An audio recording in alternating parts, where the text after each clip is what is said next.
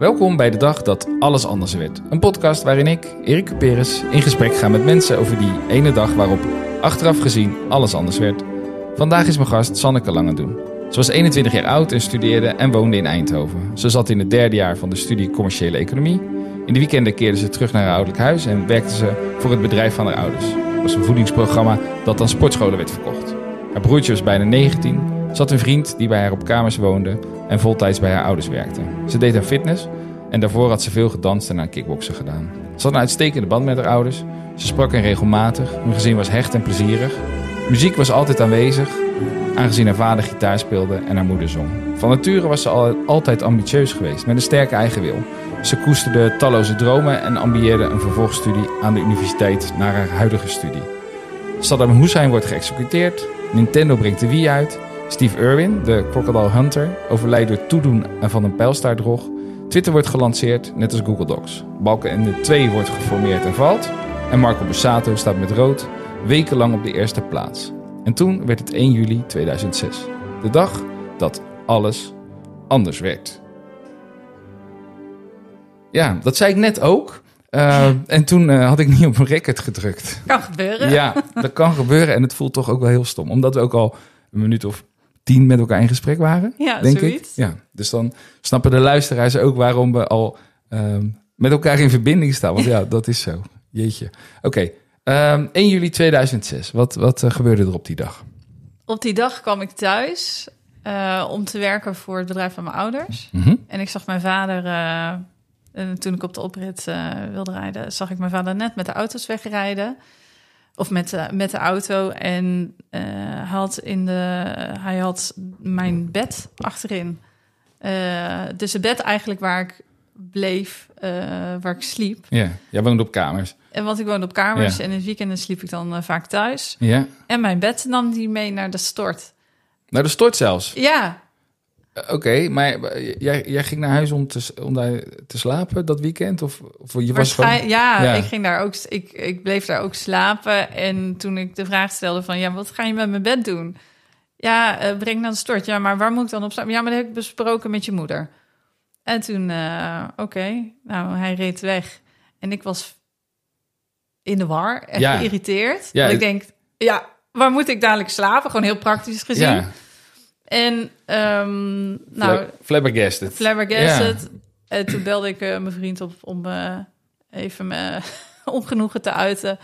En al heel snel eh, heb ik ook mijn moeder eh, proberen te bellen. Ja, en die dat- nam de telefoon niet op. Reageerde niet op sms'jes. Mhm. En dat was de start eigenlijk van twee maanden lang eh, vermissing. Ja. Je, ze- nam niet op en daarna heb je twee maanden niks meer gehoord. Nee, Hm. Dat wist je toen nog niet. Dat wist ik niet op Nee. dat moment. Nee. De, ja, tot zover is het eigenlijk gewoon raar. Ik bedoel, we weten nu een beetje hoe het af, afgelopen is. Maar in dat moment sta je daar en denk je alleen maar... nou, wat is hier aan de hand?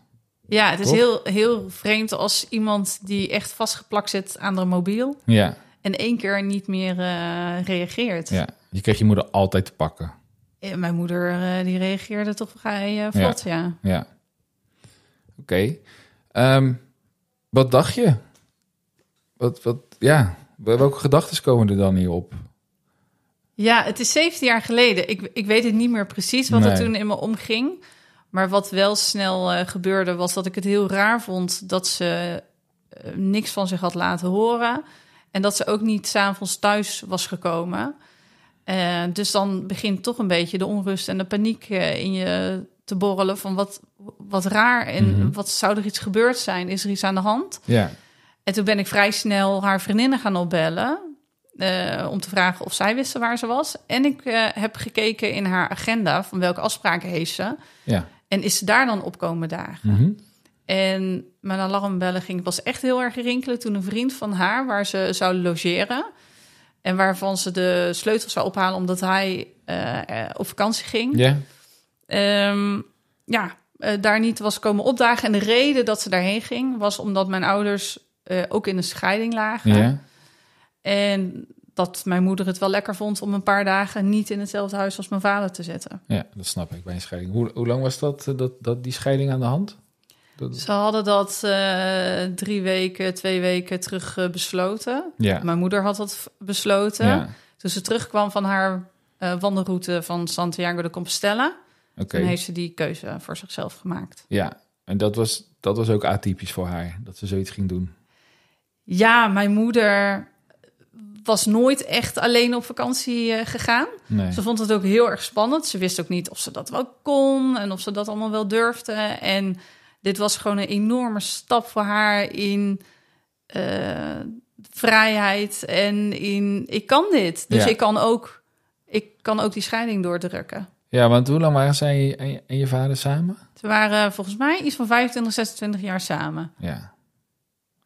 Dan was ze vrij jong to- toen, toen ze ook samen zijn gekomen. Ja, ze was 19 toen ze gingen Hmm. trouwen. Ja. En, en ehm, dan, dan kan ik me zo voorstellen dat dat ook een redelijk, hoe zeg je dat, een redelijk traditionele rolverdeling misschien is. Ja, dus ik eh, ben in de jaren 80 geboren en in de jaren 90 opgegroeid. Ja.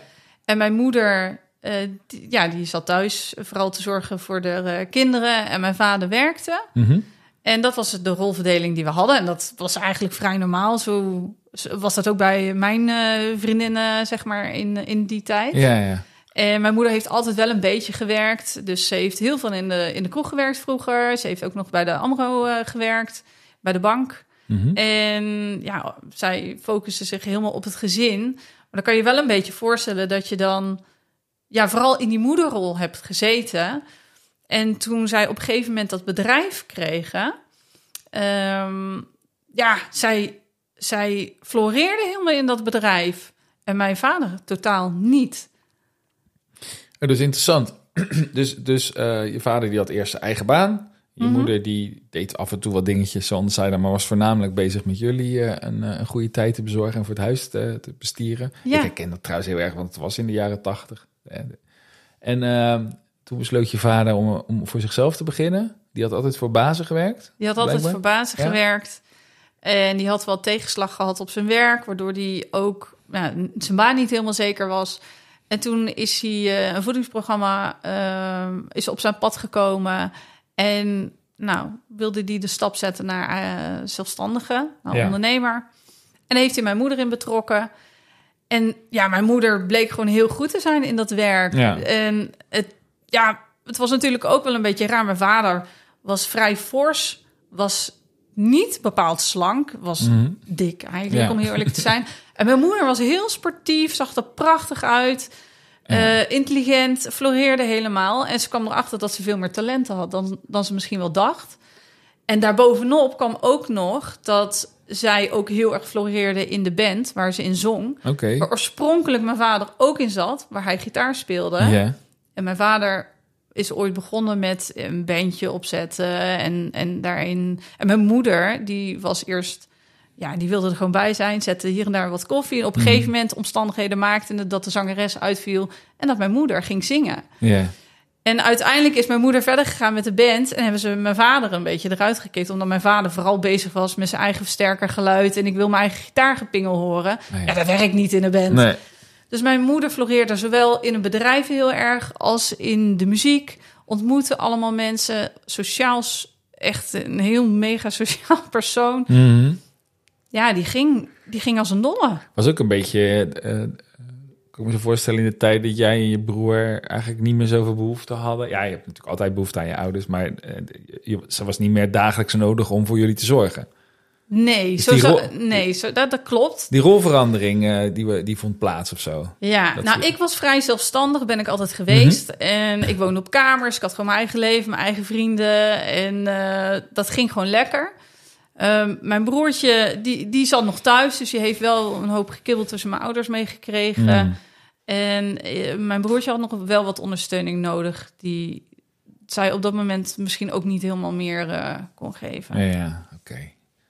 Ja, maar, maar ze koos gewoon wat meer voor zichzelf. Wat Ja. en, en misschien wel ironisch genoeg, doordat je vader haar die kans gaf. Wat misschien helemaal niet zijn bedoeling was, maar dat was wat er gebeurde. Hij begint dat bedrijf en zij eh, heeft ineens iets, wow, dit is te gek voor me. Ja, zij, zij ging daar heel erg goed in. Ja. Ja. Ze zei heel vaak: ehm, Ik ben mama, ik, ben, hè, ik, ik heb allerlei rollen, maar ik ben gewoon Marga. Hmm, En ik wil nu Marga zijn. ja, ja. En dat werd ze dus, heel erg. Ja. Ja. En toen was Marga ineens zoek. Toen was ze verdwenen. Ja. ja. ja, bizar lijkt me dat. Is heel raar. Ja. Ja. Dus je had die telefoontjes en eh, hoeveel tijd zit er dan nu tussen? Want ik neem aan dat je daar vrij snel mee begint. Ja, ik ben echt als een soort van detective op pad gegaan. Ja. Ehm, nou, niemand wist waar ze was. Dus ik pro- pro- wat ik probeerde te doen was haar laatste eh, voetsporen, zeg maar, een beetje terug te Ja. volgen. Waar is ze geweest? Waar is ze geweest? En uiteindelijk zou ze thuis gezuin, eh, geweest moeten komen. Maar nou, ze, was, ze was niet thuis gekomen. Maar beide auto's stonden wel op de oprit. Dus er waren al wat dingen Mhm. waarvan ik dacht... Nou, zij en je vader hadden allebei een eigen auto. Ja. ja. Ja, maar dus klopte niet. Dus toen zei ik al vrij snel tegen mijn vader... maar is het niet zo dat als iemand vermist is... dat je dan aangifte moet doen bij de politie? Dat was dezelfde dag nog? Dag later? Ja, geen idee. Nee. Echt heel kort eh, Ja. daarna. Dat is ook het eerste wat ik denk trouwens hoor. Zeker in zo'n geval. Ja. eh, politie. Ja. En mijn vader zei... Nee, dat, eh, dat gaan we nog niet doen. Want wie weet eh, is ze wel met iemand eh, meegegaan van Santiago de Compostela. Ze had namelijk best wel een eigen leven. Ze was echt heel, heel erg met zichzelf bezig, heel erg zoekende. Dus wij begrepen haar ook niet altijd. Ik, mijn vader, mijn broertje, mensen uit haar nabije omgeving Ja. familie. Ehm, dat ik dacht van ja, is dit dan een eh, midlife crisis die je dan krijgt? Hoort dat erbij? Weet ik veel. Ik was ook jong. Ja, ja. Klinkt ook een klein beetje zo natuurlijk. Ja, doe nou Ja. maar normaal. En eh, ik heb eh, ook af en toe toch wel echt eh, behoefte aan die moeder. Ja, dat is gewoon zo. ja. Ehm, maar toch had ik wel in de gaten van... ja, maar dit klopt toch niet? We Hmm. moeten gewoon aangifte doen. ja. En mijn vader die had dus de beredenering van... ja, maar zij doet wel meer rare dingen... en eh, misschien heeft ze gewoon mensen ontmoet waar ze mee op pad is. ja. En dan op een of andere manier, omdat je vader is, ga je daarin mee. ja. Ehm, ja. Ja, ze kennen elkaar ook al zo lang. niet eens daarom, Ja. maar meer je bent kind en Ja. je luistert naar je ouders. Ja, ja. Ja. Eh, ik was het er niet mee eens, dus ik had op een gegeven moment wel heel erg lopen pushen. We moeten aangifte doen. Toen hadden we een moment afgesproken dat we dat zouden doen. En toen kwam ik thuis van school. En ehm, toen belde ik hem op van waar ben je? En toen bleek hij al bij het politiebureau te zitten om daar aangifte te doen. Mm. Toen was ik heel erg boos. Zonder ik- jou. ja. zonder mij. Ik zeg, ja. Ja. maar ik zou toch meegaan? En toen zei hij, oh ja, dat ben ik vergeten. En oké. En dat was wel raar. Mm. Ja, achteraf gezien logisch, maar Ja, ja. maar op dat moment denk je, ja, kan zijn dat je het bent vergeten. Maar wel echt heel vervelend dat je het vergeten bent. Want ik had erbij willen zijn. ja. En hoe lang zijn we dan onderweg? Het is een week eh, na haar vermissing dat Ja. er pas aangifte is gedaan. Ja. En de, zei de politie? Politie zegt helemaal niks. Nee. Dus een politie, eh, wat bleek was dat wel zowel mijn toenmalige vriend, die ook voor mijn ouders werkte, al aangifte had gedaan, inclusief eh, haar, eh, de beste vriendin van mijn moeder. Mm. Dus, Zonder dat jij het wist? Ja, Oh, wauw. ja. Ik denk dat zij al veel eerder het vermoeden hadden dat mijn vader er misschien iets mee te maken zou kunnen hebben. Ja, ja. En dat ze dat nog niet aan mij durfden te vertellen of dachten van dat heeft nu geen zin.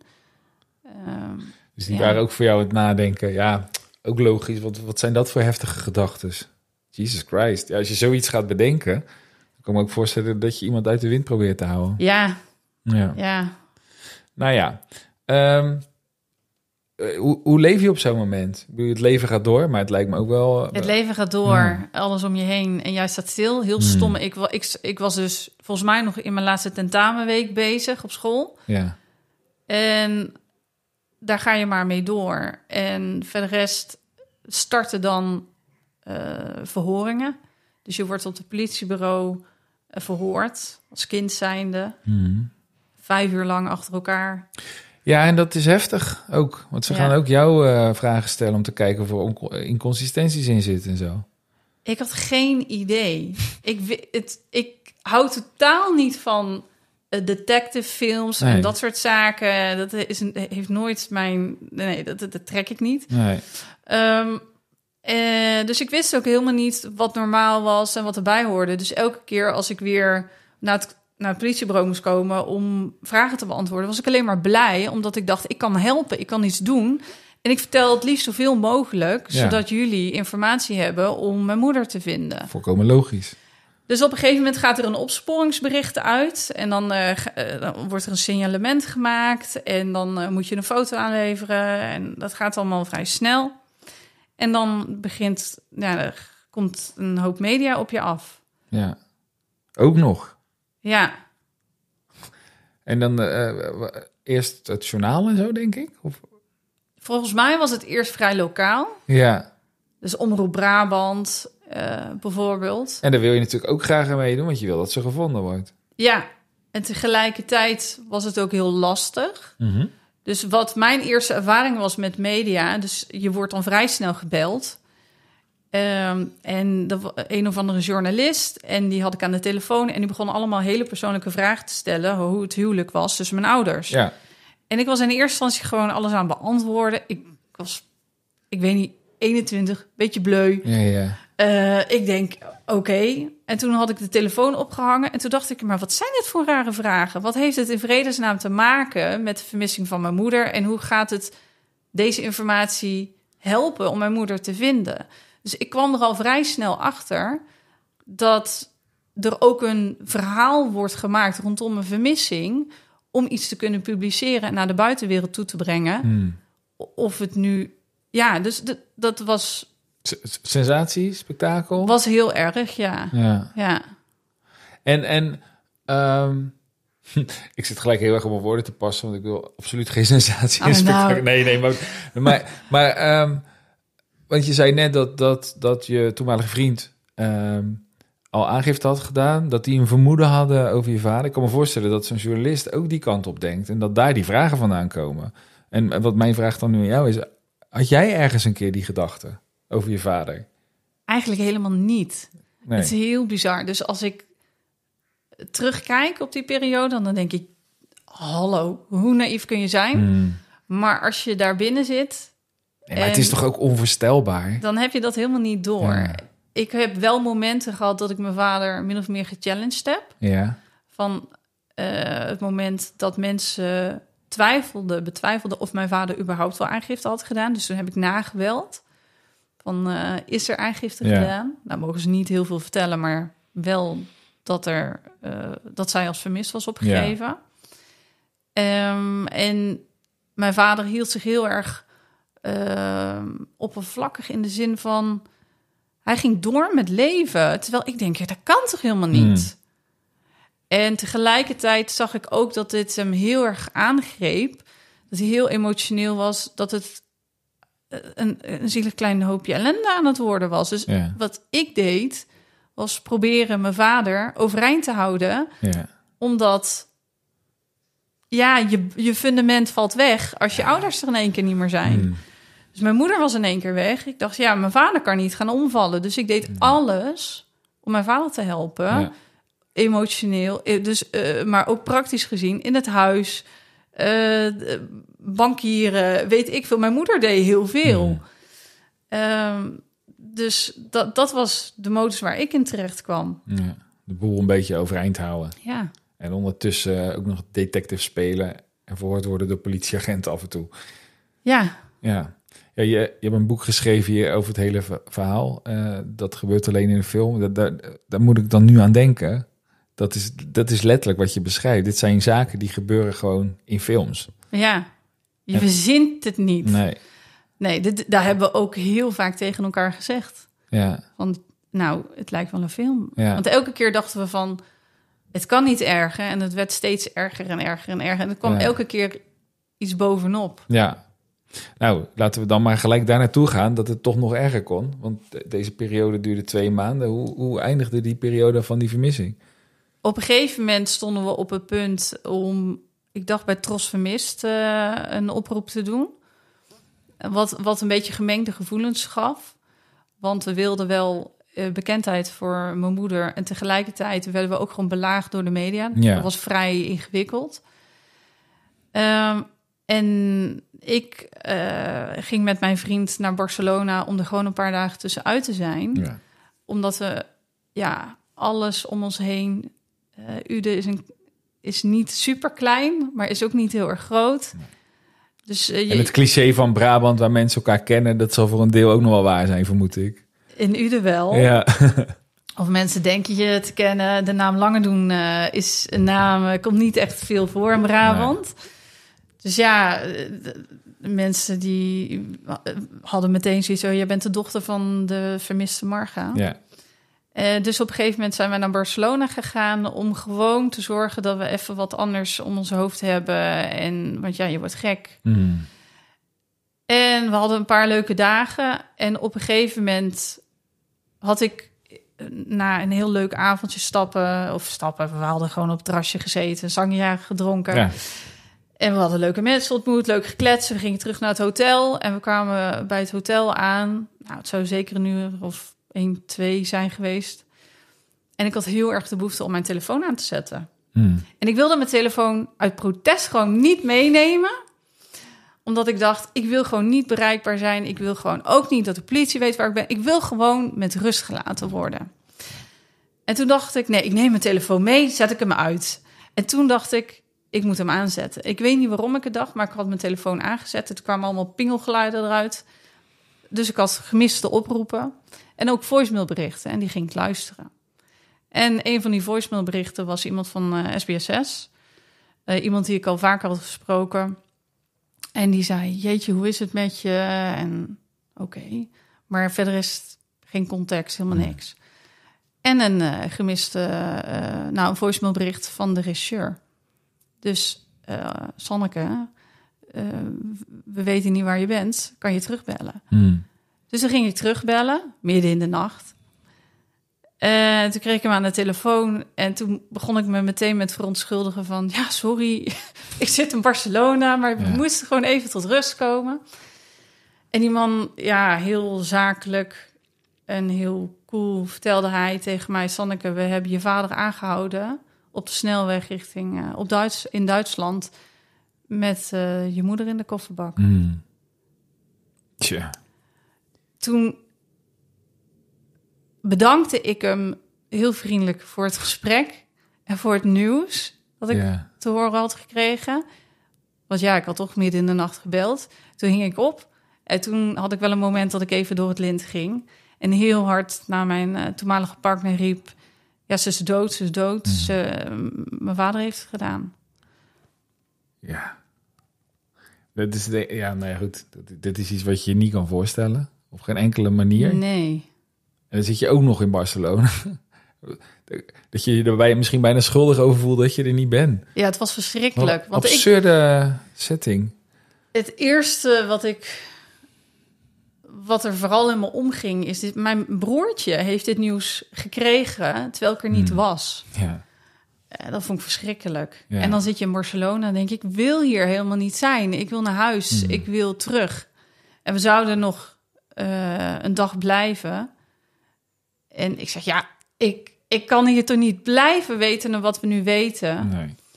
En toen ben ik meteen alle spullen gaan pakken. Toen zijn we naar de receptie gegaan, hebben we een taxi geregeld. Zijn we als een gek naar het vliegtuig, eh, vliegveld gereden.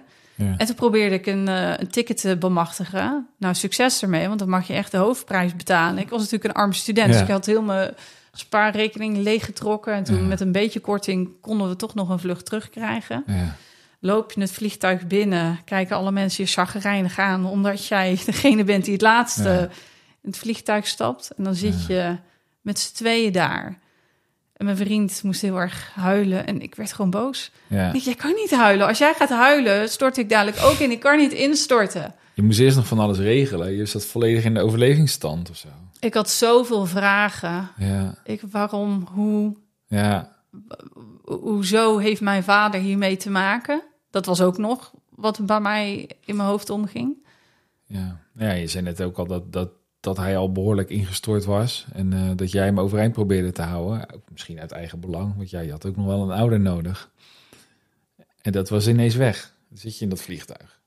Het fundament wat ik kende, Ja, wat als kind zijnde toch je ouders en je, je ouderlijk huis of ja maar je beschrijft ook een behoorlijk Ja. zorgeloze, eh, prettige jeugd. ja, dat is in één klap weg. Ja, Dus je komt terug in een wereld die totaal onbekend is. In een situatie die totaal vreemd voor jou is. Met een hoop vragen die onbeantwoord zijn. Mhm. En de focus die ik had was: ik wil naar mijn broertje. Ja. Dus toen ben ik naar mijn eh, broertje uiteindelijk eh, zijn we opgehaald. Weet je, broertje? Eh, Maarten. Ja. Maarten. Ja. Ja. het is heel gek om broertje te zeggen, want die vent Nee. is veel langer dan ik. I know, ik weet hoe dat gaat. Ik ben ook het broertje. Ja, ja maar het blijft voor eeuwig Ja. altijd mijn broertje. Ja. Dat is echt eh, En zo heel... hoort eh, het ook. Ja. Maar, eh, eh, nou, een schat van een vent. Ja. Maar eh, goed, we gingen, we gingen dus naar, naar hem toe. En hij was toen bij zijn schoonouders eh, en bij zijn vriendin. En toen liepen we samen hun tuin in. Zij woonde toen op een eh, soort van boerderij. Dus het, ik kan het me ook zo nog inbeelden met mooie weilanden om ons heen. Mm. Ze hadden ergens een, een bankje staan, daar eh, gingen we op zitten. En toen vertelde hij hoe hij het nieuws had gekregen. Vrij eh, bot. Hij had het gevoel alsof hij bekeken wordt, hoe zijn reactie zou zijn. Alsof hij op een of andere manier er iets mee te maken zou hebben.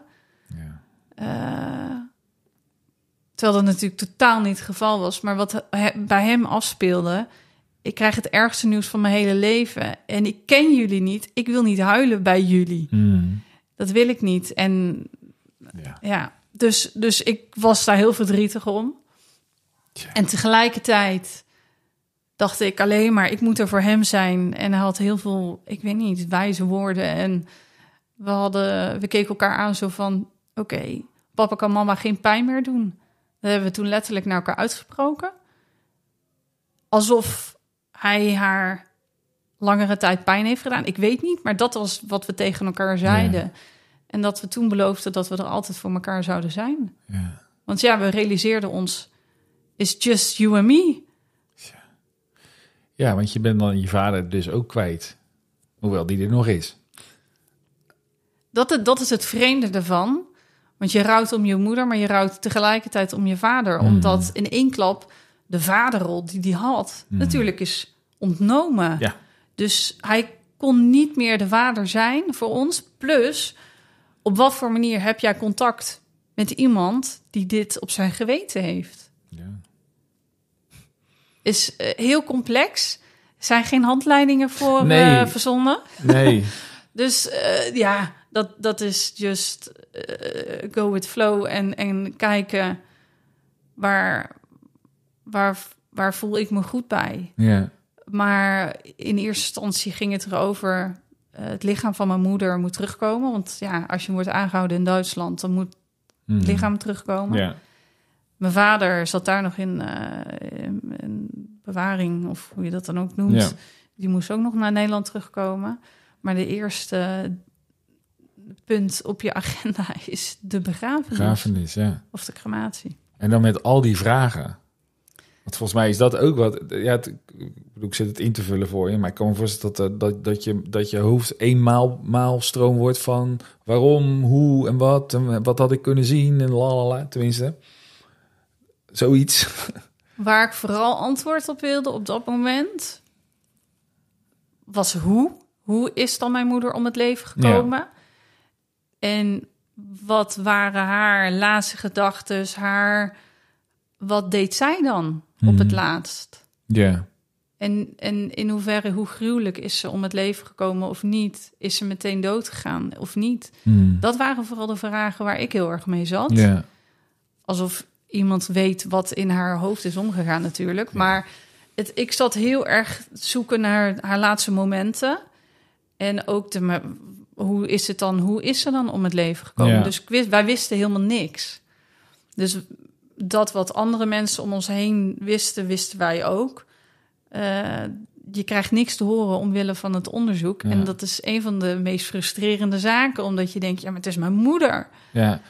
Ja, er is één vraag die dan bij mij nog wel... eh, Je vader, was hij ooit agressief? Had hij, eh, weet ik, eh, iets? Of was het gewoon... Mijn vader had wel driftbuien. Ja, ja. En hij kon wel, eh, had wel een mate van agressie. Hmm. Ehm, Dus toen mijn moeder terugkwam van Sa- Santiago de Compostela, heeft hij haar een keer bij de keel gegrepen, Hmm. zo omhoog gedrukt. Ja. Dat is wat ik hoorde, in ieder geval naar de hand.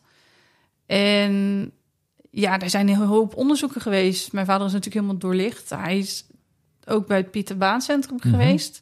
Dat rapport heb ik uiteindelijk gelezen ook. Daar staan dingen in die ik totaal niet wist. Hmm. Dus dat mijn ouders een heel ongezond huwelijk hadden, wist ik op dat moment niet. Dat hebben ze toch wel goed De- verborgen De gehouden. schijn heel goed op weten te houden. Ja, nee. Ik bedoel, er zijn natuurlijk wel eens ruzies eh, geweest. En als ik zo terug beredeneer, dan vraag ik me wel eens af... is mijn jeugd dan wel zo heel ja. normaal geweest of niet? We hebben ook wel eens een draai om onze oor gekregen. Ja. Mijn vader kon eh, wel heel boos op ons worden. En achteraf gezien denk ik, oh, dat is niet, dat klopt niet. Ja, maar het is ook wat kinderen doen, hè? Gewoon het, het verhaal herschrijven. En eh, ja, kinderen kunnen achteraf eh, een verhaal altijd eh, tot iets positiefs. Dat is ook mooi van ons brein dat het kan. Dat is wel een interessante vraag. Want dat, die, dat stuk geschiedschrijven kunnen we natuurlijk nooit meer achterhalen. Of het, Nou, je, je, je, de, de, je, de waarheid eh, waarin jij leeft, dat is jouw waarheid. Dat, Ja. is, jouw, dat is jouw referentiekader. Dat is Ja. jouw normaal. En op een gegeven moment word je ouder, kun je zelf nadenken, eh, zie je dingen gebeuren bij andere vrienden. Kun je wel vergelijken en Hmm. voor jezelf bedenken: klopt dit wel of niet? Ja. Ja. Ja, het blijft zo moeilijk, want ja, je weet ook nooit hoe het bij die ander echt is. Hè? We dragen allemaal een verhaal eh, met ons mee. En aan de buitenkant kun je dat niet lezen. Dat weet je niet. Nee. Zelfs weet je eigen je verhaal niet. kun je amper, amper herleiden. Want je weet, nou ja, goed, je weet nooit hoe het was als het anders was gegaan. Nee, Hm. nee, nee. Maar dat het een on- eh, dat ze eh, eh, momenten van geluk hadden, absoluut. Ja. Dat er momenten waren die niet klopten. Dus dat mijn vader heel jaloers was, bezitterig. ja. En dat ook op bepaalde manieren heeft geuit, is niet oké. Nee. Dat is niet hoe je met elkaar omgaat. En waar het daar in de kern is misgegaan, denk ik, wat voor mij een grote les is geweest, is dat je geluk altijd vanuit jezelf moet vinden en niet vanuit die ander. Dus als je gaat scheiden, als ik, ik ben getrouwd, als ik nu ga scheiden, ga ik daar heel veel verdriet om hebben. Maar ik weet dat ik zelf heel gelukkig kan zijn met Ja. mezelf eh, en, en met de persoon die ik ben. Eh, ik heb daar niet per se een ander voor nodig. Het verrijkt absoluut mijn leven. Ik ben heel blij en gelukkig in mijn huwelijk. Ja. Maar mijn vader was niks zonder mijn moeder. Dus op het moment dat zij besloot, ik trek de stekker eruit, verdween zijn wereld. Ja. Verdween zijn geluk, verdween het gezin en dat hij had gecreëerd samen met mijn moeder. Ehm, ja, dus voor, voor hem was dat al min of meer het einde, Hmm. denk ik. Ja, ja. Ja, ik moet, ik, ik moet ineens denken, je hebt al die romantische liefdesliedjes. Hè? I can't live if living is without you. Ja. Dat, zit, dat zou toch vreselijk zijn als dat waar is? Nou ja, dat lijkt, dat lijkt dan een beetje eh, hier te gebeuren. Dat jouw vader daadwerkelijk gewoon dacht van ja, als zij er niet meer is, wat, ben- wat is mijn leven dan nog waard? Of wie ben ik dan of zo? Ja, en de vraag, hè, is dit allemaal opzettelijk? Eh, heeft hij ook echt gepland om haar om het leven te brengen of niet? Hij, is, hij heeft uiteindelijk 20 jaar gekregen. Ja. In eerste instantie 18 jaar hoger beroep. Toen was wetgeving veranderd, kon ze meer krijgen, kreeg hij 20 jaar. Mhm. Ehm, Dus dan is hij veroordeeld voor moord. ja, Ja, ja op, met voorbedachte raden, Precies. inclusief je hebt iedereen en alles voorgelogen, twee maanden Ja. lang. Eh, dat hebben ze ook eh, zwaar aangerekend. dus hij, hij heeft de zwaarst mogelijke straf gekregen. Ja, ja zoverre ik eh, weet wel hier in Nederland. Ehm, nou ja, ik weet het niet. Uiteindelijk kun je nooit 100% weten wat er nu precies is gebeurd. Hij heeft altijd zijn versie van het verhaal aangehouden dat het ongeluk is geweest. Hmm. Het verhaal in het kort is, ze gingen hun huwelijkse... Hè, ze gingen vaak met elkaar praten omdat het huwelijk uit elkaar eh, ging. En hoe gaan we dat dan doen met huis en hoe gaan we de dingen regelen? En zijn verhaal was, we zijn midden in de nacht, wie doet dat? Maar goed, we zijn midden in de nacht naar de bossen gegaan, eh, waar we vroeger veel wandelden. Eh, hij had een luchtbuks gekocht omdat we duiven in de tuin hadden. Vond het heel irritant. En toen is ooit gesprek geweest, ik ga hem luchtbugs kopen. Ik wist niet dat hij hem had, overigens. Maar daar ging hij oefenen met de luchtbugs. Zij kwam achter de auto vandaan gelopen, is met kogeltje geraakt. En eh, eh, daar zou ze aan overleden zijn. Hoewel uit autopsie, wat dan nog wel te herleiden is, dat, dat ze daar waarschijnlijk niet aan is overleden, maar dat er met een hard voorwerp op haar hoofd is geslagen om het. Om haar, om, ja, dat Ja. het daarmee tot het eind kwam. Ja. Ze heeft twee maanden lang boven eh, de grond gelegen. eh, in de bossen. Met een hoop dieren. Ja, eh, dit is gewoon een heel smerig en luguber verhaal. Maar van haar lichaam is niet veel overgebleven. Eh, dus zij is ook niet nooit helemaal volledig met alle botten en alles teruggevonden. Ja, het is heel, heel... Ja, Als je het zo erover vertelt- nadenkt. Ja, ik moet dan weer aan de titel van je boek denken. Want dit zijn Ja. inderdaad, eh, dit, dit zijn, maar ook het scenario wat je vader schetst. Ja, en eh, ik bedoel, ik ben altijd nogal van simpel en direct. Het is gewoon zo'n slecht verhaal. Behoorlijk. Ja, we waren aan het discussiëren over hoe we de echtscheiding zouden afwisselen. En ondertussen was ik met mijn luchtbugs aan het oefenen. Oh, really? Wauw. Ja, dus dat is natuurlijk helemaal niet logisch. Ehm, wat, wat ik denk, want ik heb mijn vader Mhm. en al die tijd heb ik wel contact met hem gehad Ja. op mijn voorwaarden. Eh, dus ik ben in het begin langs gegaan, want ik wilde natuurlijk ook gewoon antwoorden op mijn vragen. Natuurlijk. moest een hoop geregeld worden. Eh, ze hadden bedrijven, ze hadden een, een huis, een hypotheek. Ja, jullie woonden... Kwam althans- geen ja, ja, inkomen. Ja, precies. Ik was student, mijn broer ook. Eh, Ja. ja. hoe ga je dat allemaal Holy fuck, organiseren? dat alleen al. Wat een... Ja, dus dat heb ik Ja. eh, grotendeel in mijn eentje allemaal moeten regelen. Nu ben ik vrij nuchter, rationeel. Ik ben niet eh, dom. Ik kan, ik kan dingen organiseren als Hmm. ik dat wil. Maar het was wel veel. En ik, ik moest ook dingen met hem overleggen. Ja, je bent een chick van gezien. 21 met een broertje van 19. Je bent aan het studeren en in één keer sta je daar gewoon... Is een huis, je ouders zijn er dus niet meer. Nog los van de redenen. Ja. Eh, en je moet heel die shit moet je dan op de rails zien te houden. Drie BV's. Ja, het was, was wel even een puinhoop. Want ik Ja. had geen idee hoe het al met elkaar En stak. dan moest je met je vader gaan overleggen. eh, waarschijnlijk ook gewoon puur over hoe zakelijk dingen moesten gebeuren. Nee, ik heb eigenlijk vooral volmacht van hem gekregen. En hij had vol vertrouwen in dat ik de juiste dingen zou doen. Ja, hij was natuurlijk ook... Hij dacht ook, ik heb niet zoveel meer te vertellen. Dat weet ik niet of hij dat dacht. Jeetje. Ik, ik denk dat hij wel het vertrouwen in me had dat ik de dingen goed zou regelen. Ja. Dus dat heb ik gedaan. Hmm. En kijk, in het begin probeerde ik natuurlijk antwoorden. Want jij zei, jij hebt heel veel vragen. Nou, ik Ja. had letterlijk een lijstje meegenomen ja. met 21 vragen of iets dergelijks. ja. En ik denk, eerste bezoek, ik ga hem eens even al die vragen af. En hij gaf nergens antwoord Nee. op. Dus, en dat Maar is ik, eigenlijk zo dan kan je hem ook wel wat doen, denk ik. Dan word je toch boos, of niet? Ja, Ja, en mijn broertje vooral. ja, Ja. ja, dat is natuurlijk super frustrerend. Ja. Geen antwoord krijgen op iets waar je... Dat zou het enige zijn misschien dat je nog, ja, hoe raar dat dan ook klinkt, dat je denkt, nou, dan, dat, dat zou die dan nog voor je kunnen doen of zo. Ja, dat zou je denken Toch? wel, hè? Van dat, dat ja. het, maar ik denk, net als zijn versie van het verhaal... Mhm. Als jij zoiets ergs en gruwelijks hebt gedaan, dan verzin je voor jezelf een verhaal waarmee Ja. je kunt leven. Ja, Want anders is het leven ondraaglijk. ja.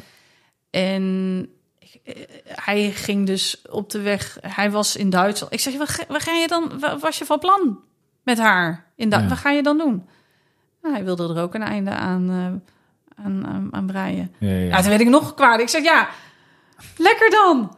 We- dus eh, ik, ik weet het niet. Het, sommige, ik denk niet dat je alles verzint. Dus je zou delen, Hmm. want ook een leugen is gebaseerd feiten, denk Ja. ik. Maar je gaat wel een versie verzinnen waarmee je kunt leven. Anders Ja. is het leven niet meer draagbaar. En ik heb echt zulke verdriet in zijn ogen gezien en eh, en in, in zijn hele postuur dat ik op, oprecht weet dat hij heel veel verdriet heeft van het gemis. Wat heel dubbel was, want ik dacht, jij bent tegelijkertijd de oorzaak van dit alles. ja. Dus eh, heel complex, heel Ja, je hoort mensen natuurlijk heel vaak sorry zeggen, zo had ik het niet bedoeld. Hij heeft nooit letterlijk sorry gezegd. Nee. Hij heeft altijd gezegd: wat erg dat ons gezin zo kapot is. Ja. Wat erg dat ons dit wordt aangedaan. Ja, ja. Ja. Ja, het menselijk brein doet rare dingen dan. Zeker als je een beetje narcistische kenmerken hebt. Ja. ja. En, en ja, Ja, en die eerste periode ben jij dus ook heel erg, nou ja, in de, in de verzorgerrol gekropen voor je broertje. En om het gewoon op de rails te houden, ook voor jezelf. Je ouders waren weg, dus dan moest jij het doen. En dat kan me ook voor- ook voorstellen dat dat afleidt. Dat dat je ook bezighoudt. absoluut. Het was een afleiding. En tegelijkertijd probeer je eh, ook stil te staan bij het feit dat je ouders er niet meer zijn zoals jij. Ja, mijn moeder was er echt niet meer. Nee. En het gekke was, ik heb mijn moeder natuurlijk nooit dood gezien. Eh, want toen zij was gevonden, eh, is ons nooit gevraagd om haar nog een keer te zien. Nee. Haar schedel is vijf jaar later gecremeerd, overigens, omdat dat bewijs eh, was. Dus dat lag bij het NFI, wat ook Raar. niet fijn is. Nee. Eh, want ja, is een beetje eh, zo'n zo'n hoofdstuk wat dan zich niet afsluit. Ehm, en tegelijkertijd zit je in zo'n. eh, dus, dus voor mij was het heel erg. Ik ging heel erg dromen van: is het nou echt dood of niet? Want je hebt niet de visuele eh, bevestiging van het feit dat ze er niet meer is. Ja, ja. Dan doet je hoofd wel rare dingen met je. Mm. Dus ik had hele gesprekken met mijn moeder. Ja. Dat ik wakker werd en dacht: hè, maar ze is toch dood? Ze leeft toch helemaal niet? Of, of heb ik het nou... Dat, dan moest ik echt... Oh nee, oh nee. En ook gewoon wel nachtmerries. Omdat je steeds meer dingen te horen krijgt... doordat op een gegeven moment zo'n rechtszaak begint... En, en de details naar buiten druppelen. Dus ik wist net zoveel op hetzelfde moment als de rest. Mm. Dat, dat, daar ga je natuurlijk ook over dromen. Dus ik zat wel in de sneltrein. Organiseren, eh, gewoon alles regelen, zorgen dat we financieel ook niet helemaal aan de grond kwamen. Want ik denk, ja, we staan, we staan nu al 1-0 achter. Ja. Uh, 2-0 achter staan hoeft dan ook weer niet. ja. Voor mij Eh, stond je 3-0 achter. eh. 3-0 Oh achter. My god, ja. En eh, dus eh, ja, en tegelijkertijd, ik ging eh, naar mijn laatste jaar studie en dat ging ook gewoon door. En dat, en dat was een van de fijnste dingen voor mij om te doen, omdat school voor mij perspectief is. Ja. Dat is een, een, een soort van fundament die je voor jezelf creëert om een goede start te krijgen in het leven. Althans, eh, ik, bij mij is het heel erg meegegeven vanuit Ja. huis. Vooral mijn vader, want die heeft op latere leeftijd nog zijn HTS eh, moeten halen. Van doe zoveel mogelijk nu, want het, we leven in een wereld van papiertjes. Het helpt je gewoon, geeft je een lekkere start. Ik vond studeren heel erg leuk. Ik hou van leren. Ik ben heel erg leergierig. Heel Ja. nieuwsgierig naar de wereld. Dus dat lag perfect in mijn straatje. En het bood me één been in de normale wereld. Ja. En één docent zei tegen mij, maar misschien moet je maar even, gewoon lekker even thuis en even geen school. En toen dacht ik, hoe haal je het in Ja, je hoofd? ja. Vanuit alle beste goede intenties dat jij dit tegen mij zegt. Maar het slechtste wat ik nu voor mezelf kan doen, is thuis zitten en dan slachtoffer wezen van dit alles. Nee, ik ga, ik wil perspectief creëren. Dus op het moment dat ehm, wij op een gegeven moment het huis stond in de verkoop. Ik ging het eh, in de tussentijd verhuren, want het is niet te doen om in het ouderlijk huis waar het waarschijnlijk is gebeurd, daar te blijven Nee, snap ik. heb ik, ze hebben een huurhuis eh, toegewezen gekregen om een nieuw eh, start te kunnen maken voor onszelf. Dus mijn broertje had een appartement, ik had een kleine eensgezinswoning. En de dag van de verhuizing stond ik op een gegeven moment in mijn eentje eh, in de badkamer voor de spiegel. Ik weet niet waarom. Ik stond daar. Ik keek mezelf aan en dacht: Wacht, ik heb volgens mij twee keuzes. Ik kan de slachtofferkant op gaan. Want het is super kut wat er allemaal gebeurt. Heel vervelend. En ik kan, me, ik kan hier in een hoekje verdwijnen en, en me niet meer eh, op straat begeven, want iedereen kent me. Mhm. Of ik ga iets maken van het leven. Want mijn beredenering was, tussen je twintigste en dertigste ga je best wel leuke keuzes maken in je leven. Eh, zo dacht ik, hè. Ja. Ehm, want ja, ik ben aan het studeren. Ik ga misschien mijn, eh, eh, mijn baan, eerste baan, eh, misschien hè, mijn liefde van mijn leven, het kinderen trouw, weet ik veel, huisje, boompje, beestje. Ja. En met een beetje mazzel leef ik nog eh 60 jaar. Mhm. Dat is een hele lange tijd om je, je rot te voelen en, en, en in die slachtofferrol te Ja. zitten. En mijn moeder was de meest positief ingestelde persoon die ik kende. Zij had zoveel zin om aan dat nieuwe hoofdstuk te beginnen van haar leven, Mhm. waar ze nooit aan toe is gekomen. Dat is er ontnomen. Dat ik dacht, oké, al die positieve energie die zij had, die kanaliseer ik voor mezelf. Ja, ja. Ik ga er gewoon iets moois van maken. En vanaf dat moment heb ik continu tegen mezelf gezegd: ik kies zelf of ik iets leuks maak van mijn leven of niet. Dat Mhm. bepaal ik zelf. Ja. Ik kan niet het gedrag van mijn vader bepalen. Ik kan niet het gedrag van anderen om me heen bepalen. Ik kan mijn eigen gedrag wel beïnvloeden. Mhm. Dus ik kan ervoor kiezen om te zeggen: ik ga lekker studeren. Ik ga, ik ga gewoon door met het plan wat ik had. Want waarom zou ik daarmee stoppen? Het is gezond voor mij. Normale mensen om me heen. Wat? Niet over straat durven. Ik ga in de kroeg werken. Ik ga in theater, eh, in de eerste instantie toen in de kroeg.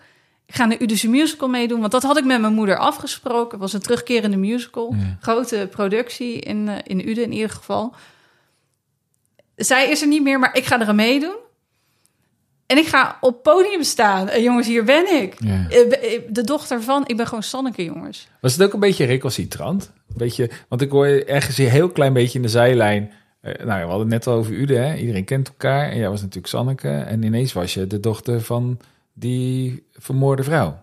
Ja, Dat, dat is dan ineens ook een... Als je niet uitkijkt, is dat je identiteit. Dat is misschien dat meisje wat in het hoekje wegkruipt wellicht. Maar Ja. hoe, hoe gaat dat in zo'n dorp dan? Je wordt volgens mij ook aangeklampt. Mensen die, die willen er iets over zeggen of ze durven het juist niet. I don't know. het gekke is dat mijn broertje dus echt de meeste vreemde opmerkingen heeft gekregen dan ik. Dus die, die, heeft, die heeft vooral vaak mensen om zich heen eh, gehad. eh, die, eh, nou, die vooral eh, dan zeiden, als ze hem tegenkwamen de kroeg van... hier, kom hier een bier, hè. Ja, ja. Zo. Ja, een slachtoffer. Ja, Toch? We en, gaan hem eh, troosten. Maar ik, ik, toen ik in de kroeg werkte, heb ik ook wel mensen aan mijn bar gehad van... eh hey, hoeveel het nou een wees te zijn?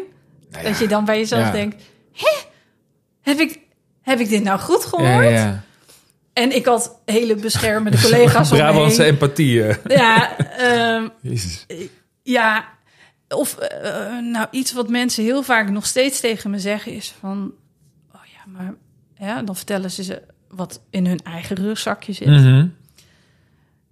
En dan zeggen ze, nee, maar wat jij hebt meegemaakt, dat is zoveel erger. Ja. Dan denk ik, nou, ten eerste, dankjewel Ja. dat mijn leven zoveel erger is dan dat van jou. Eh, maar je kunt geen appels met peren vergelijken Nee. natuurlijk. Want alles wat je zelf meemaakt is voor jou vervelend en, en, en naar. Mm. Eh, iedereen gaat er op een andere manier mee om. Dus één gaat er onderdoor als hij niet slaagt voor een bepaald examen. Eh, en de ander die heeft weer iets anders. en, dus je kunt het niet vergelijken Nee.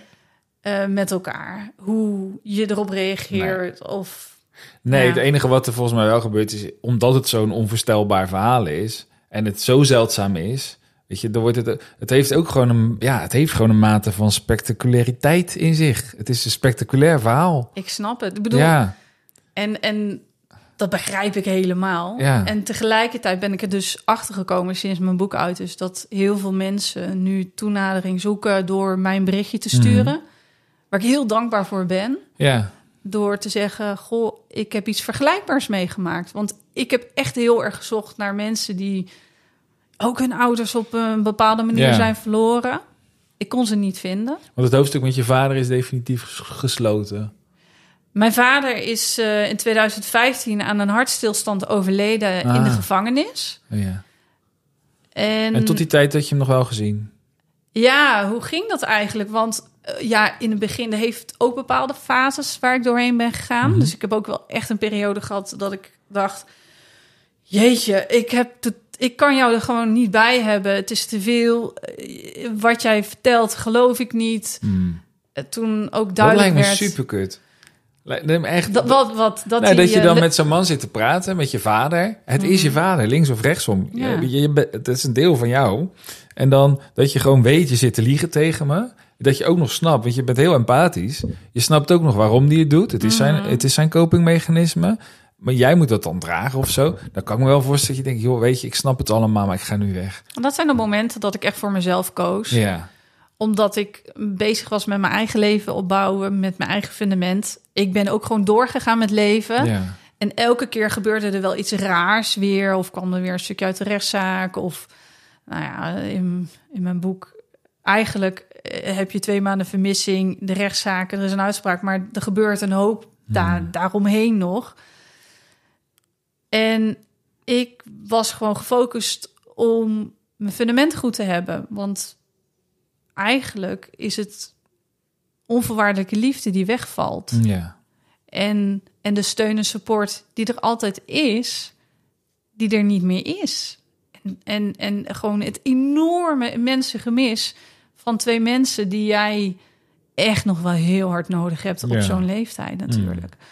ja. Dus ik, ik begon met bezoeken. Ik merkte, eh, oké, een gevangenisbezoek is echt zwaar aan relax. Ten eerste, die mensen die daar werken met, eh, bedoel, doen hun ding, maar je wordt niet lekker ontvangen. Nee, daar zijn ze ook niet voor. Daar, ja, maar dat betekent tegelijkertijd denk je, je mag wel een stukje menselijkheid Mm. laten zien. Ja, mee eens. Ik bedoel, eh, ik had ook zoiets van, ja, maar ik ben wel normaal hoor. Ja, Ja, ik, ik, ik heb, ja, was nog nooit naar de gevangenis geweest. Ik wist helemaal niet hoe dat in zijn werk ging. En, en ik merkte gewoon dat ik daar een week of twee weken gewoon echt even uit mijn doen van was.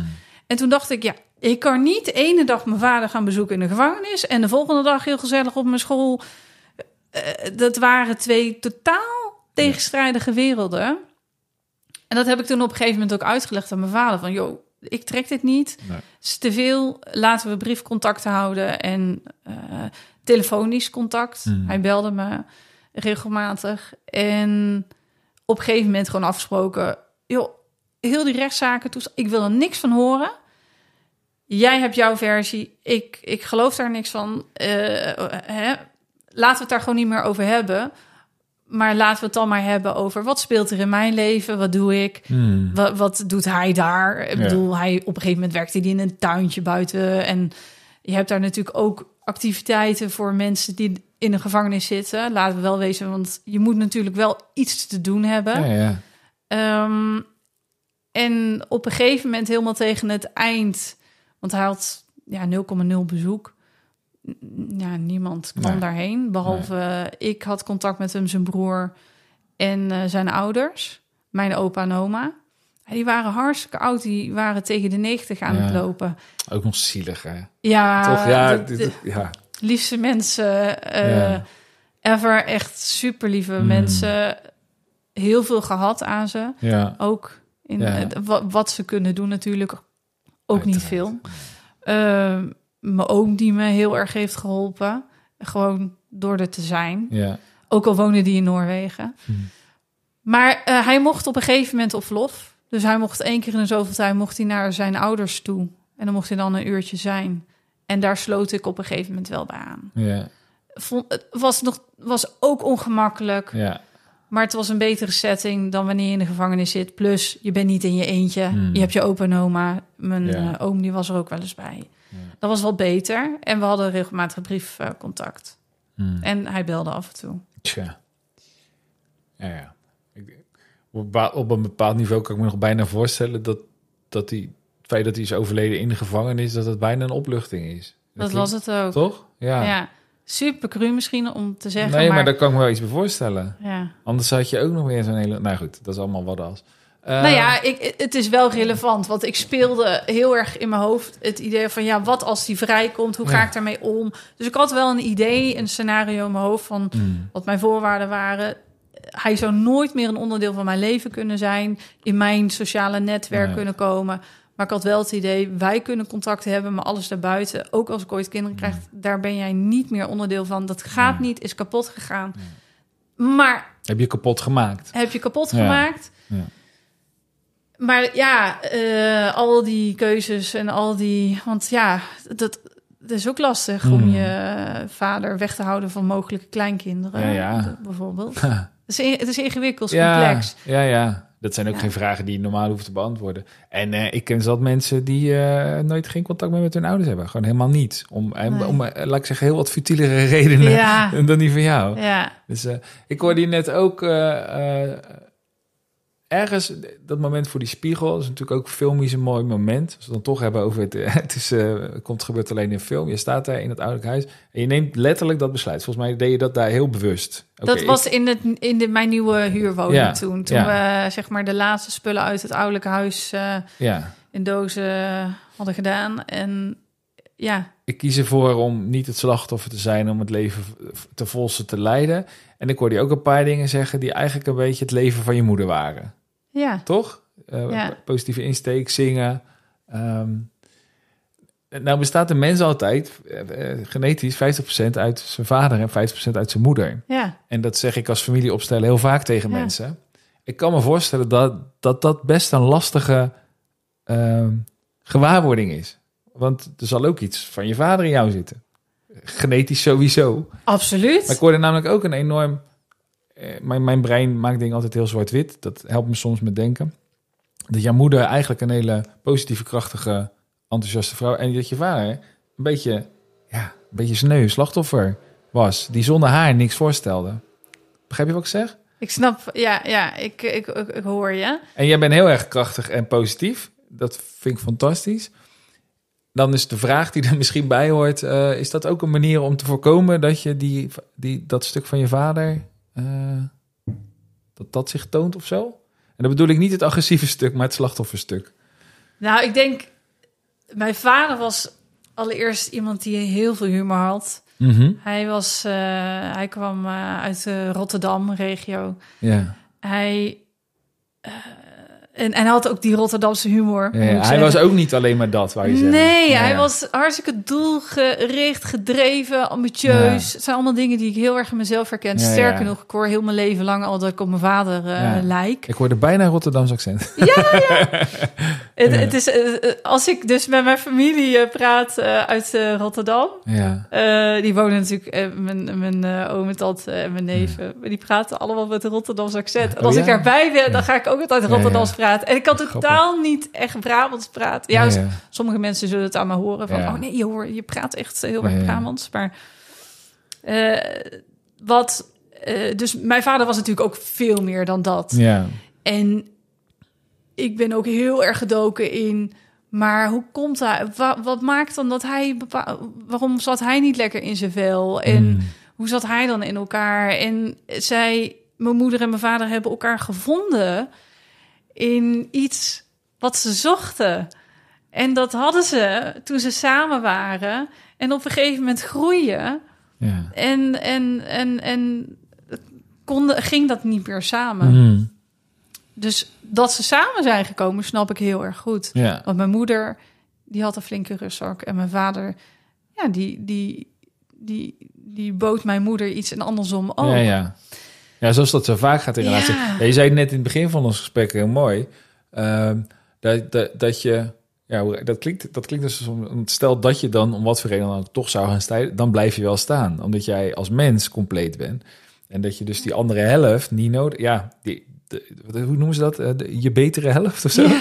Weet je, dat zijn allemaal van die rare romantische beelden. Het is heel tof om een relatie te hebben die je aanvult, maar Ja. op het moment dat het je vervult, dat het iets wat bij jou kapot is opvult, Ja, dan is het heel gevaarlijk. Want dan, Absoluut. dan kan je het niet kwijtraken. En dan kan zo'n relatie, dan, dan moet je dus alles doen. En het lijkt erop dat dat is gebeurd eh, eh, bij je ouders. ja. Ja. En Bizar, hè? Dat noemen we dan liefde. Nou goed. Ja, het is, Ja. eh, complex. eh, ja. Liefde, eh, vooral allereerst voor jezelf. Hmm. En goed voor jezelf zorgen. Ja. En, en altijd reflecteren blijven naar jezelf. En, en ik vind het heel mooi dat je als mens altijd jezelf beter leert kennen. Daarom vind ik ouder worden zo mooi. ja. Dat je veel meer wijsheid hebt over dat wat je beweegt en waar je gelukkig van wordt. Je kreeg ook wel een duwtje in dat eh, ouder worden, denk ik, op dat moment. Zo in 2000. Ik was al vrij wijs voor mijn leeftijd. En dat heeft me absoluut eh, meer volwassen gemaakt Ja. dan, dan voorheen misschien eh, het geval zou zijn geweest. Oh, je jij- was ook jong toen je al een beetje samenwoonde, trouwens. Ja, Ja. och, dat is ook weer een verhaal apart. Ja, ja. Ja, Nou ja, omdat je, dat je moeder ook 19 was, moest ik ineens... Nou goed, ja, jij wou iets zeggen. ik ga lekker van hak op de tak. Nee, nee, nee, nee. Was misschien mooi om er straks op terug te komen. Maar om even terug te komen op... Jeetje, je vader doet zoiets. Mm. Jij bent natuurlijk als kind geboren uit allebei. Mm. Ik hoorde al heel mijn leven dat ik eh, op mijn vader leek. Ehm, en dat heeft mij heel erg aan het denken gezet. Van wie ben ik dan? Ja. wat, wat maakt wie je bent? En eh, heb ik dan ook ehm, eh, moordgenen in me zitten? Of wat, wat is dat? Dat is natuurlijk kul. Ja, En tegelijkertijd heb ik vooral heel erg geleerd waarom mensen, eh, nou, wat, wat mijn ouders, wat ze bij elkaar bracht, hoe ze zelf ontwikkeld en gegroeid zijn. Door ook heel veel gesprekken te voeren met vriendinnen van mijn moeder of met mijn oom, die mijn vader natuurlijk heel erg goed kent Mm. door rapporten te lezen, zoals Pieter Baan rapport, Ja. heeft het voor mij heel veel duidelijk gemaakt. En ik ben wel heel erg zoekende geweest van wie ben ik dan? ja. En ben ik dan, nou, nou lekker, ben ik dan mijn vader? Mm. En uiteindelijk ben ik er alleen maar achter gekomen dat ik ook hartstikke veel op mijn moeder lijk. ja. En heel erg in.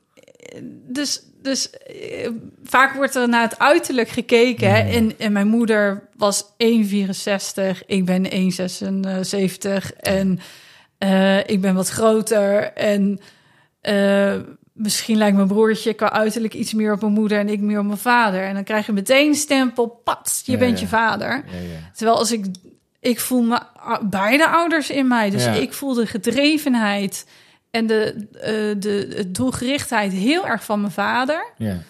En een beetje slappe humor, die ik en mijn broertje ook hebben.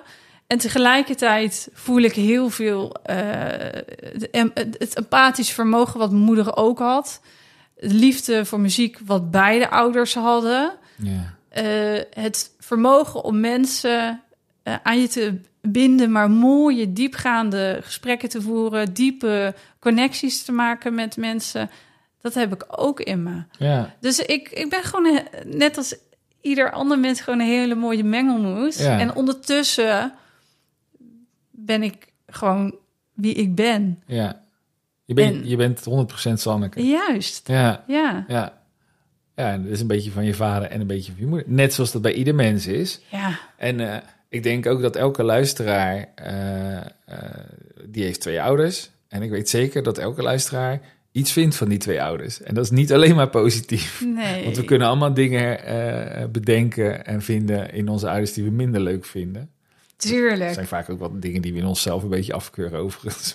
dat, dat terzijde. Ja, ja, toch? Want dat Ja, zal ook ja, meespelen. Ja. Ja.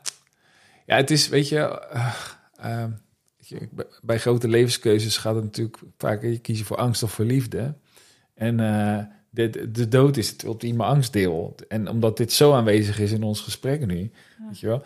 Ik bedoel, de, de, de moord was een bekend ding geworden ook. Ik bedoel, je, je googelt het maar en, eh, en je kan het vinden nog steeds. En ik vind het heel knap eh, van jou dat, je, dat het niet je identiteit is geworden. Dat je 100% Sanneke bent en, en niet de dochter van dat verschrikkelijke gebeurt, van die ge- verschrikkelijke gebeurtenis of zo. Begrijp je wat ik bedoel? Ja, ik, ik heb daar ook heel erg het ook mijn best voor gedaan. In de zin van, ik ga gewoon leven. Ja, En ik, ik ben wie ik ben. En mensen hebben altijd ideeën over anderen. En Ja. hebben aannames. En dat is allemaal prima. Maar eh, het wil niet zeggen dat als je zoiets meemaakt... dat dan de rest van je leven goed verpest is... en dat je voor de rest van je leven therapie nodig hebt. Nee. Voor sommige mensen is dat wel. Hè? Ik bedoel, hè, Ja. Voor mij was muziektherapie. Ik, ik, ma- ik zing. Ik heb een musical meegedaan. Ik eh, ben de saxofoon op gaan pakken. Ehm, ik heb echt zoveel gezongen ja, in de auto, onderweg hier naartoe. ja, ja. Eh, Voor mij is dat iets wat ik al in mezelf had, waar ik heel veel steun aan had. waarvan ik weet, ik weet dat ik, als ik vroeger verdriet had ehm, van een vriendje, die had het uitgemaakt, Och. of weet ik Ach. wat, hè, dan is je leven voorbij. Ja, ja. En dan ging ik eh, lekkere jankmuziek opzetten. En dan was het uit mijn systeem. Dus ik wist wel heel goed wat muziek deed met mijn emoties en Mm. wat ik daarmee kon. En ik heb de mazzel dat ik fantastische vriendinnen om me heen had... die ik al van jongs af aan kende, die mijn ouders ook kenden... waar ik fantastische gesprekken mee heb gevoerd. En die tot op de dag van vandaag tegen mij zeggen... het is altijd goed om erover te hebben. Want toen het boek er was, zei ik tegen een van mijn vriendinnen... Nou, strik eromheen. En eh, nou is het klaar. Ze zei nee. En zij is op een hele serieuze toon. Ja. Maar San, we gaan het de rest van ons leven daar gewoon nog over hebben. Want dit is gewoon een onderdeel daarvan. Dat vond ik zo mooi. Ik denk, oh, wat een wijze, wat een wijsheid hier. En ook heerlijk om toch de bevestiging te krijgen. Want het is 17 jaar geleden. Mm. Om dan toch de bevestiging te krijgen van... het is oké om het er nog steeds over te hebben. Ja. Want gemis eh en tijd doet veel. Ja, je bent sowieso jong je ouders kwijtgeraakt. Ja, En dat en is, ja. ik leef dadelijk langer zonder ouders dan met Ja, ouders. Ja. En eh, eh, heel bizar, het heeft me ook alle vrijheid gegeven om te worden wie ik ben, Mhm. zonder dat er ouders om me heen zijn. En luister, ik had ze liever wel erbij gehad dan niet natuurlijk. tuurlijk. Maar ik vond het voor mezelf wel een interessante gedachte, in ieder geval, dat ik totaal in alle vrijheid, zo voelt dat dan, Mhm. ben geworden wie ik nu ben. Zonder dat ik meningen vanuit die kant, adviezen, tips. Eh, want ik, ik, Ja, joh, maar de bagage Ja. die je op je 21ste eh, met je meedroeg, eh, nog voor dat moment, want dat had je al gevormd op de een of andere manier, dus door je vader en door je moeder en door je omgeving, was wel dat meisje wat voor die spiegel stond en die daar heel duidelijk besloot, wat er ook gebeurt, ik, ik kruip niet in de slachtofferrol. En eh, ik denk dat er weinig mensen op hun 21ste zo'n duidelijke keuze maken. maar het besef dat je een keuze hebt, gaf mij zoveel kracht en Ja. empowerment. Dat ik dacht, oké, want op een gegeven moment eh, je, heb je het gevoel dat de regie uit je handen. Mhm. eh, Ja, er gebeuren natuurlijk ook heel veel dingen en er in gebeurde mensenleven. veel. In het, in het, in- de Stoïcijnen die zeggen, de, eh, het, of nee, de- nou ja, doet er niet toe wie het zeggen. Dat lijden, dat gebeurt, of nee, Jezus, Eh, er gebeuren gewoon dingen in je leven die vervelend zijn. En of je daaraan gaat lijden, dat is optioneel. Daar kun je dat wel, kijk, de gebeurtenis waar we het over hebben, daar heb je helemaal niks aan kunnen doen. Daarna de manier waarop je ermee omgaat, ja, daar kun je in een zekere mate verantwoordelijkheid voor dragen.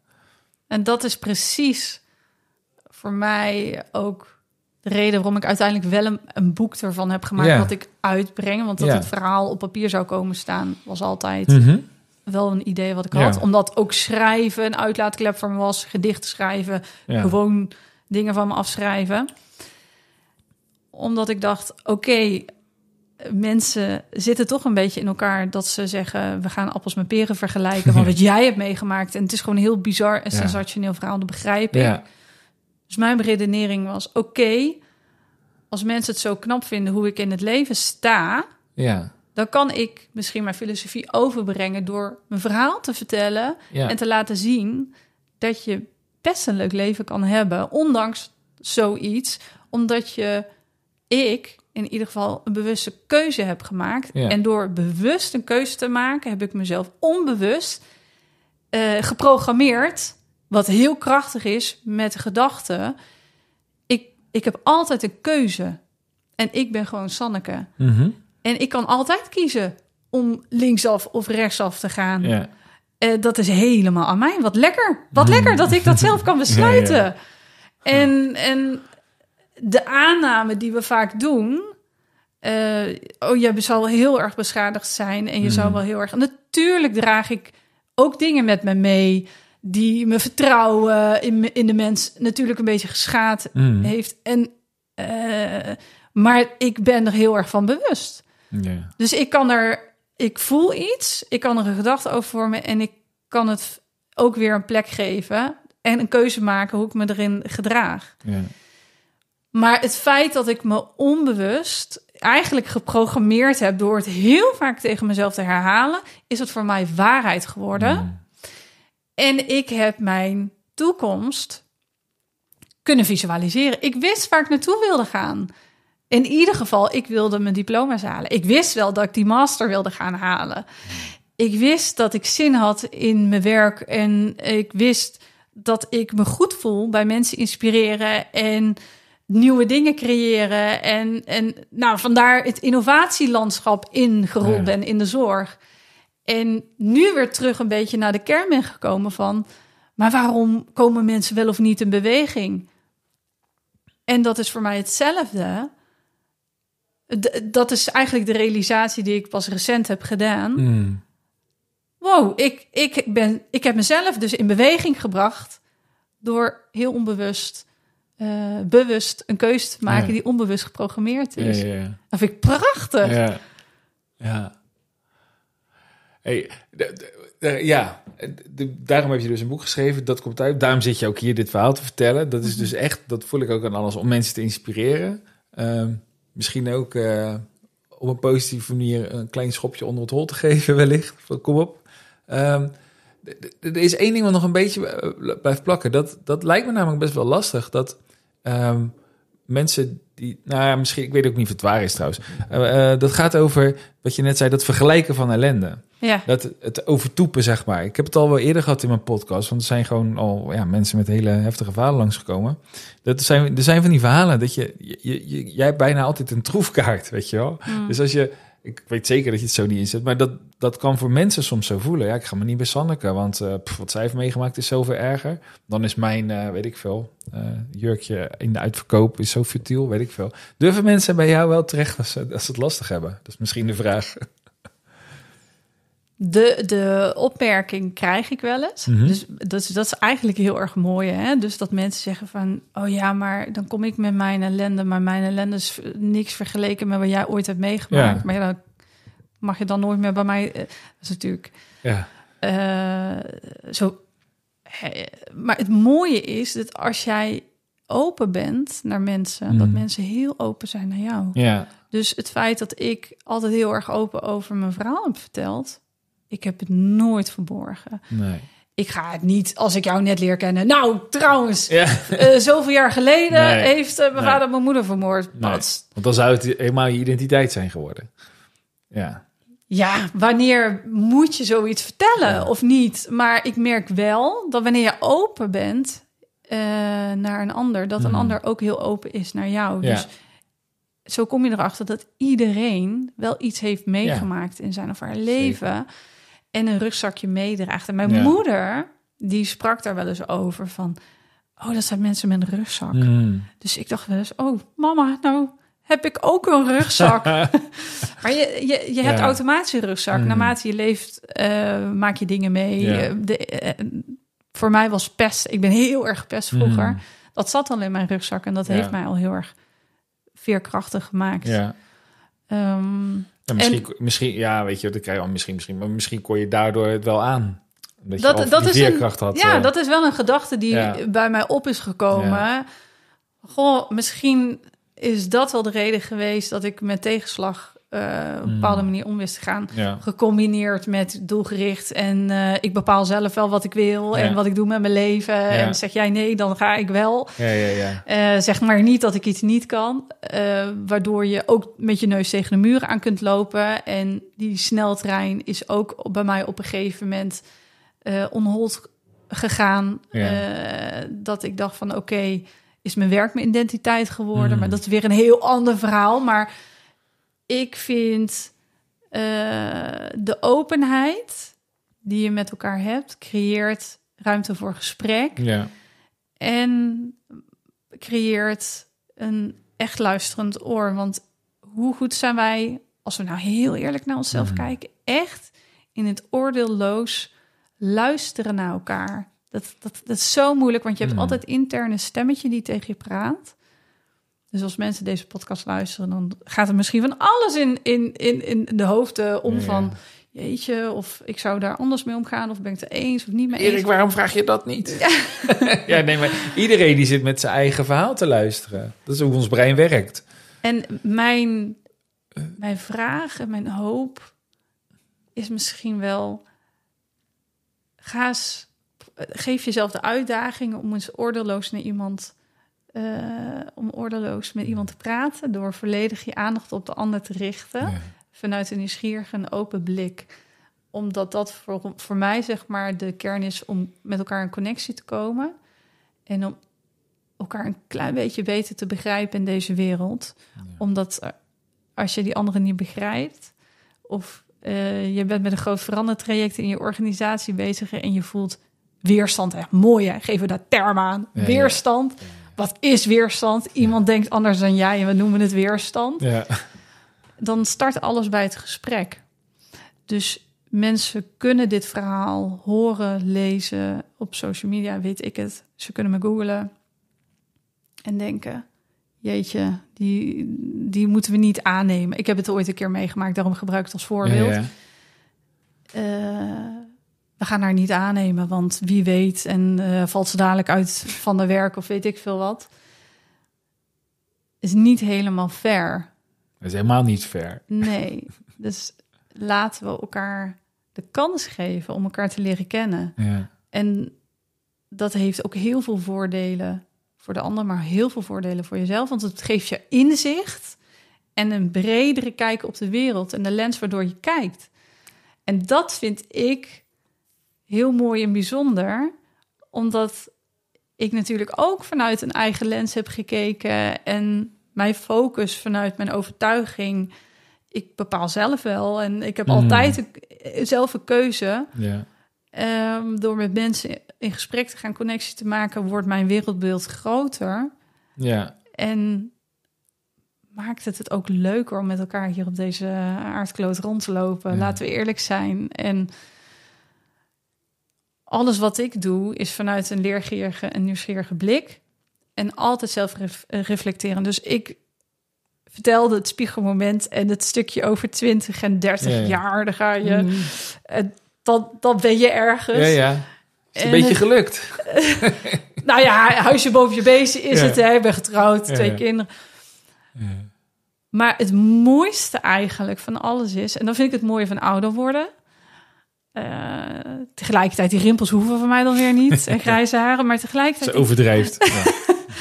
Maar ik, ik, vind, ik, vind, ik vind het gewoon heel interessant... hoe wij met z'n allen hier rondlopen, wat we doen... Ja. En eh, mezelf daardoor ook beter te leren kennen. En ja, ik, ik heb altijd het gevoel gehad van... En dat klinkt misschien voor sommige mensen te spiritueel of te vaag... maar dat je bijna boven jezelf uit kan stijgen. En zoals mijn moeder het altijd zei... dat zei ze heel vaak tegen mij... just go with the flow. Mm. En dat je in een soort rustig vaarwater voor jezelf terechtkomt... en denkt... Ja. Eh, eh, eh, het is organisch, alles om ons heen. En, en zo ook. ja, er zijn namelijk heel veel dingen in het leven waar je nul invloed op hebt. Namelijk Ja. dat wat er gebeurt. En Ja. alles wat er gebeurt, gebeurt er.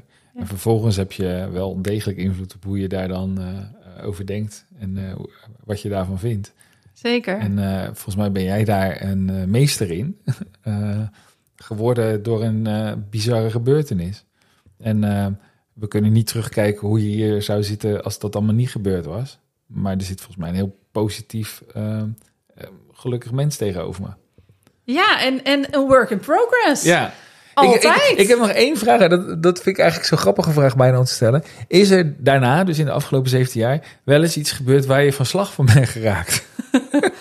Oh, oh joh, ik kan echt de kleinste maar dingen... dat, dat kan ik me namelijk voorstellen. Jawel, je bent toch ook maar een mens? Ja, ja. Nee, Ja. Maar dat kan ik me dan dus voorstellen. Dat jij gewoon over iets heel kleins uit je plaat gaat. Je hebt al heel beeld. eh. Ja, tuurlijk. Ik moet toch iets. Ik zit ook met te luisteren. ik heb op een gegeven moment... eh, Nee, je lijkt- ik denk dat die vraag voortkomt uit... Ik ben ook wel gewoon altijd maar aan het observeren... en zo eerlijk mogelijk. Dat het, eh, j- jij bent zo'n positief mens. En zo, eh, weet je... En dat ik echt denk, het is bijna scary. freaky. ja. Nou, mij, bij mij, je hebt twee soorten mensen. ja. Het, bij mij is het glas altijd half vol. Mhm. En zo heb ik. Zo zit, zit je. Is gewoon een beetje de manier waarop je bent Ja. geprogrammeerd. En ik kies er ook voor om zoveel mogelijk positief naar het leven te kijken. Ja. En eh ervan uit te gaan dat iedereen met een goede intentie dingen doet. Mhm. Eh, omdat dat het leven veel leuker maakt. Ik, ben, Eh, ik ben helemaal in jouw team. Ik ben en- 100% mee eens. Natuurlijk zijn er dingen in het leven waar ik van kan balen. Hmm. En dan denk ik ook meteen, waarom baal ik daar dan wel zo Ja, ja. van? En dan ga ik daar meteen, nou, dan duik ik daar ook wel eens in. Mm. Of ik ga even lekker wandelen en een podcastje luisteren of eh, muziek luisteren of zingen of Mm. net dan wat ook. Dus ik, ik heb heel goed mijn knoppen waar ik aan kan draaien. Ja. En tegelijkertijd ben ik ook mens en eh, kan ik heerlijk met mijn vriendinnen wandelen en even lekker even over alles wat niet lekker gaat of Ja, ja, ja. hij is het theezakje weer laten liggen Oh, nee. op de aanrecht. Oh, nee. mannen die theezakjes laten liggen. Oh. Dus ja, Waarom heerlijk. doen wij dat toch? Ja, ja. Nee, want dan zou het wel heel scary eh, zijn als ik alleen maar zo'n moeder Teresa-achtig eh typeje Ja, ga dat scheen dus echt een bitch te zijn. Serieus. Oh, is dat en dan moet je zo? eens googlen. Die werd echt op, eh, op de middelbare school werd ze er constant uitgegooid en zo. Was onhandelbaar.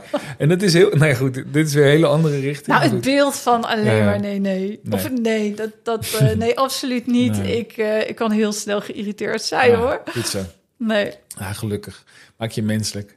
Eh, nou ja, je boek. Ik zet de link eh, naar je boek in de beschrijving. Mhm. Ja, koop het en lees het, zou ik zeggen. Ik, ik, vond, ik vind het een heel leuk gesprek. Ik, nou ja, ik denk natuurlijk vooraf ook altijd even na over wat, wat de gebeurtenis is waar we het over gaan hebben in deze Ja. podcast. En dit is er wel een in de categorie holy moly. eh, weet je?